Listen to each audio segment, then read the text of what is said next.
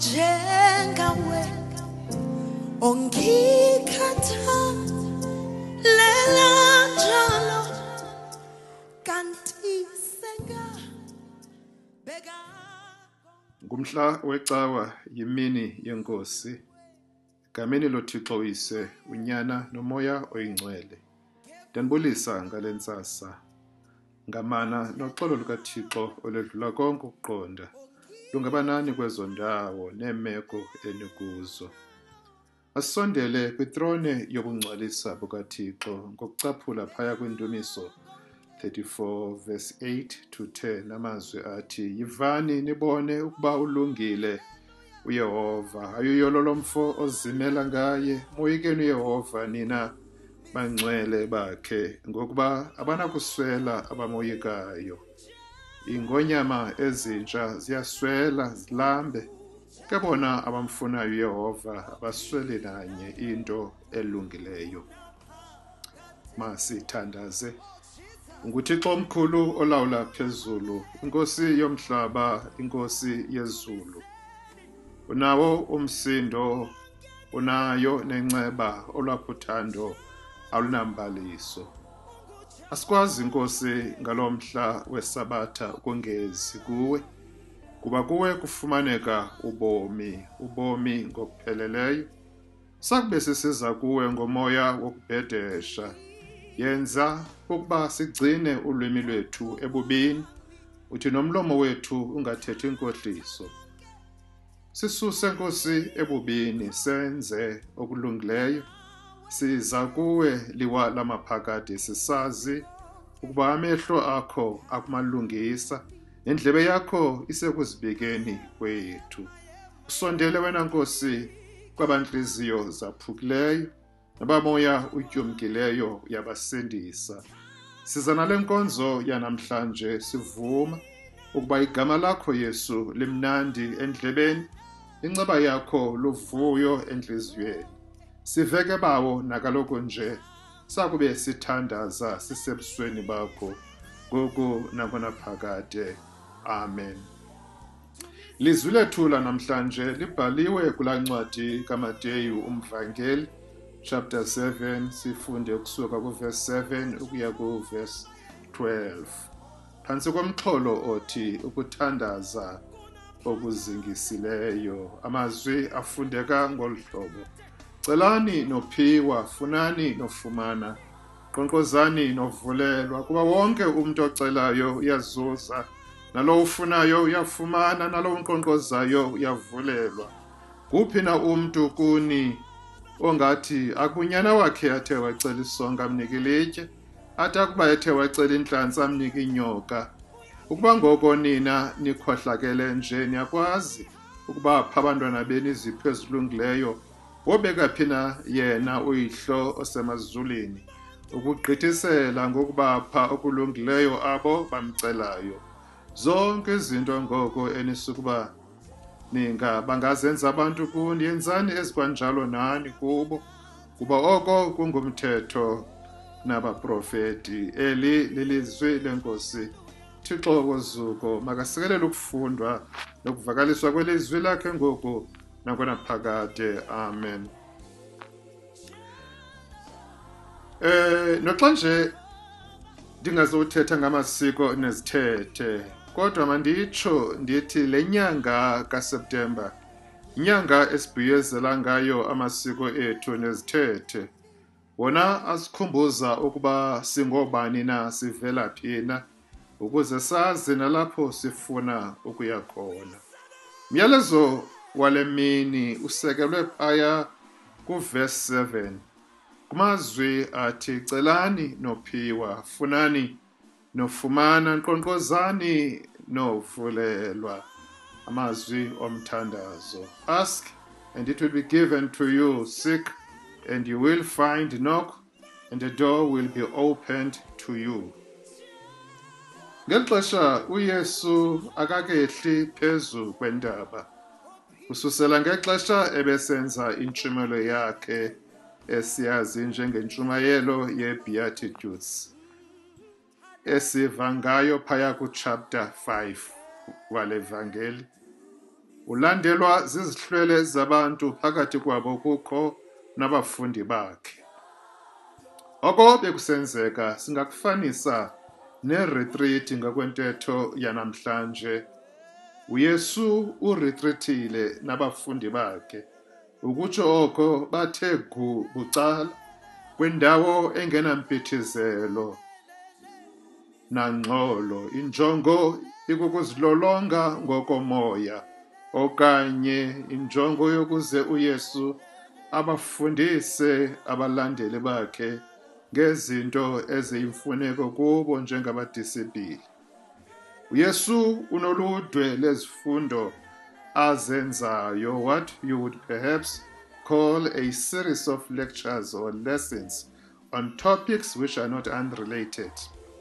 Ngale mini uyesu uphethe itopic yomthandazo. Singatsho sithi ubuyela umva kwitopic ebesele introducile ethethile ngayo phaya kwichapter edlulileyo uchapter 6 mthandazo ke ubuyenye yeepillars zenkolo yamajuda. Amajuda anzulu kwinkolo yawo ebethandaza amaxesha amathathu ngemini. Isibhalo ke siyasinika izigaba ngezigaba apho esiyibonayo le nto isenzeka. Ebethandaza ngexesha lasekuseni athandaze emini enkulu. Abuye athandaze kwakhona kwesithathu ngexesha langorhatya. Imfundiso kayesu ngale mini imiliselwe kumagama amathathu amagama endingathi ziiankile zomthandazo. Okokuqala uthi uyesu celani ask. Abuye athi okwesibini funani seek.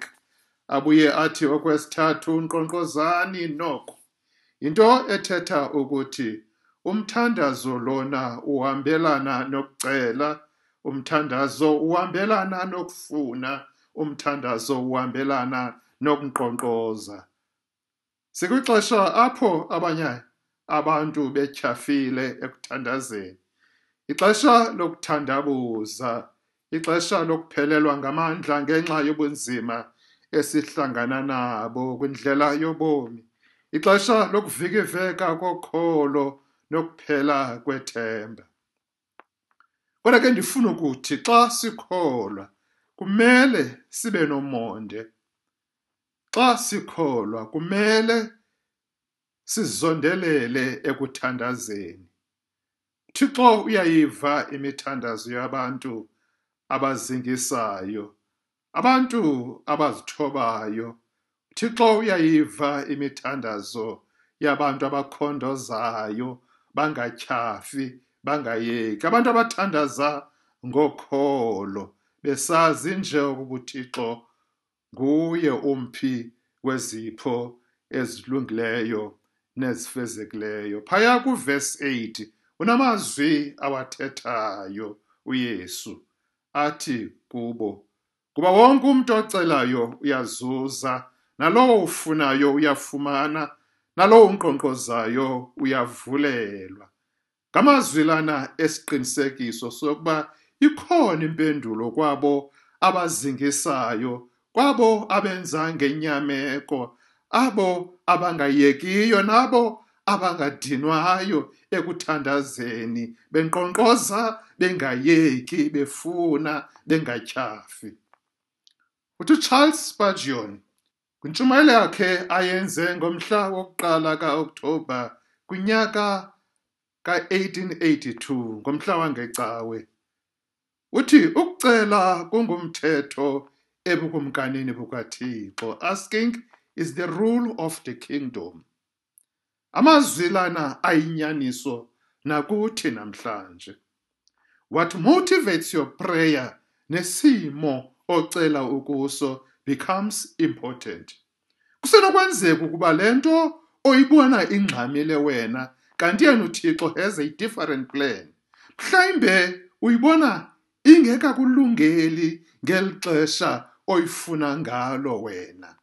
Kuba uThixo unendlela yakhe yokubona izinto. uThixo unendlela yakhe yokwenza izinto. Iprogram yakhe ayisiyoprogram yethu. Athi umpostile uyakobi phaya kuchapter 4 niyakhanuka ningabi nakuzuza nto noko. Niyabulala nizonde ningabi nakufumana nto. Niyacela ningamkeli noko. Ngenxa enokuba nicela kakubi ukuze oko nikuchithele iziyolo zenu. What is your motive? Xa uthandaza. Mthandazo kukufuna ufumane. It is about seeking and finding. Sakube siwenza lula umthandazo ukuba sicinga ukuba yincoko nje apho umntu axelela uthixo ngazo zonke izidingo zakhe. Ukufuna to seek kubalulekile ngaphezu kwelist which might be self-interested yezinto ofuna ukuzenzelwa nguthixo. Ndifuna ukuthi kuwe namhlanje umthandazo yinkonzo esibizelwe kuyo. Umthandazo is ministry. Intsingiselo yomthandazo kukuhamba nothixo. Intsingiselo yomthandazo kukuhlala nothixo ulindele kuye. Yolo nto simva udavide phaya kwindumiso 37 esithi kholosa ngoyehova wenze okulungileyo lime ilizwe ulandelane nokuthembeka. Ziyolise ngoyehova wokunika ukunqenelwa intliziyo yakho. Yekele kuyehova indlela yakho ukholose ngaye wokwenzela. Xa sihamba naye uthixo indlela yobomi uyazibonakalisa kuthi ukuba ungubani na? Azibonakalisa uthixo izinto anokuzenza asityhilele neemfihlelo zobukumkani bakhe. Kodwa umthandazo nokuhamba nothixo kunjalo nje uhlale kuye. Kumnandi kukubi comes with responsibility. Kufuneka ukuba ungene kwinkonzo yokuzeyisa xa ufuna ukuhlala kuthixo uhambe nothixo. Ungene kwinkonzo yokuzinikela. Nkonzo esibizele ekubeni ingulowo nalowo athabathe idyokwe kayesu sifunde kuye. Sifunde kuye uyesu the greatness of his character and the riches of his kingdom. Budlelane bethu nothixo abunokuxhomekeka on a give and take principle ebonakaliswa imithandazo emininzi or the hit and run prayers. Kulungile ukufuna ubuso bukathixo kuqala phambi kokucela. Athi udavide ngombongo wakhe phaya kuPsalm 27 ubuso bakho yehova ndiyakubufuna. Abuye ahambisa athi ndicele ntonye kuyehova ndifuna yona ukuba ndihlale endlwini kayehova yonke imihla yobomi bam. Ndibone ubuhle bukayehova ndiphicothe etempeleni yakhe. Ukufuna ubuso bukayehova makube yipriority yethu bazalwane. Thixo uyafunwa kuqala thixo uyazukiswa kuqala uthixo uyaphakanyiswa kuqala uyacengwa uthixo phambi kokuba utyatyadule umxelela ngezidingo zakho. Inkonzo yethu yokuqala leyo the importance of seeking first phambi kokucela. Sikubona ngexesha uyesu efundisa abafundi bakhe ukuthandaza. Uthi kubo xa nithandaza yithini? Bawowethu osemazulwini. Malingcwaliswe igama lakho. Mabufike ubukumkani bakho kwenziwe ukuthanda kwakho emhlabeni nanjengoko kusenziwa nasemazulwini. Bazalwana izicelo zandulelwa kukungcwaliswa kwegama likayehova. Izicelo zandulelwa kukuhlala inhlalo engcwalisekileyo kuthixo. Izicelo zandulelwa kukufuna qala uthixo umfumane. Phicothe etempileni yakhe uthixo uhlale naye umvu uthixo ehleli nawe ubuve nobuncoko bakhe ebomini bakho. Ukhona umvuzo kwabo abamquqelayo uthixo. Ewe abo abamfuna ngenene nangenyaniso. Yiva umbhali wencwadi yamaHebhere chapter 11 engqina lenyaniso uthi ke lungekho ukholo akunabakho ukumkholisa kakuhle kuba lo uzayo kuThixo umelwe kukukholwa ukuba ukho nokuba ungumvusi wabo ungumvuzi wabo bamfunayo. Bazalwana asinakumzukisa simkholisa uThixo singenabudlelane naye nemithandazo yethu ayinakuphuma nanto singenabudlelane obunyanisekileyo noThixo. If we do not know what we are seeking our journey will be a waste of time. Remember your priorities and that is to seek and find. But seek first the kingdom of God and his righteousness and all these things shall be added to you. Gama lesithathu leli elithi nkqonkqozani novulela. Ngokwasesibhalweni ucango oluvelekileyo refers to the door of service being opened to us by the lord. Yiministry lena esibizelwe kuyo. Umthandazo is to serve. It is to minister. Athi uyohane kwincwadi yesityhelelo ebhalela ibandla lasefiladelfi athi uyabona ndimise phambi kwakho ucango oluvulekileyo akukho namnye onakho ukuluvala thixo uyasisikelela ukuze nathi sibe yintsikelelo kwabanye and that is the ministry uthixo asibizele kuyo. Inkonzo yomthandazo lena uthixo asibizele kuyo. What we keep we may lose but what we give we keep forever. When we ask we get. And when we seek we grow. And when we knock we give. Mandigqwezele ndithi ukukhula kwethu ngokomoya kuxhomekeke ebudlelaneni bethu nothixo. Sibizelwe kwinkonzo yokumisa igama likayesu. Simele ivangeli yakhe. Sibizelwe kwinkonzo yobungqina. Athi ngenye imini xa ekhomishina abafundi bakhe athi nina ke niyakuba ngamangqina azo ezi zinto. Sibizelwe kwinkonzo yokuthwala iziqhamo. Athi omnye umculi mandithwale iziqhamo ezomoya oyingcwele ubungcathu nolulamo ezi zinto zezokholo kodwa asinakuthwala ziqhamo zokholo namoya oyingcwele bazalwane singekuye uyesu. Kukho umsantsa phakathi kwethu nothixo. Bakuqinise kubomi bakho bokuthandaza buyakhula nobudlelwane bakho nothixo. Bakubashushu ubudlelwane bakho nothixo liyakhula nethemba. Lukhule nokholo. Luthi noloyiko ebelukugubungele lubonakale lu-under control. Thixo bakwasikelele la mazwi awandise asomeleze asikhulise asinike umkhondlandlela wokuya phambili ebomini ngoku nangona phakade. Amen.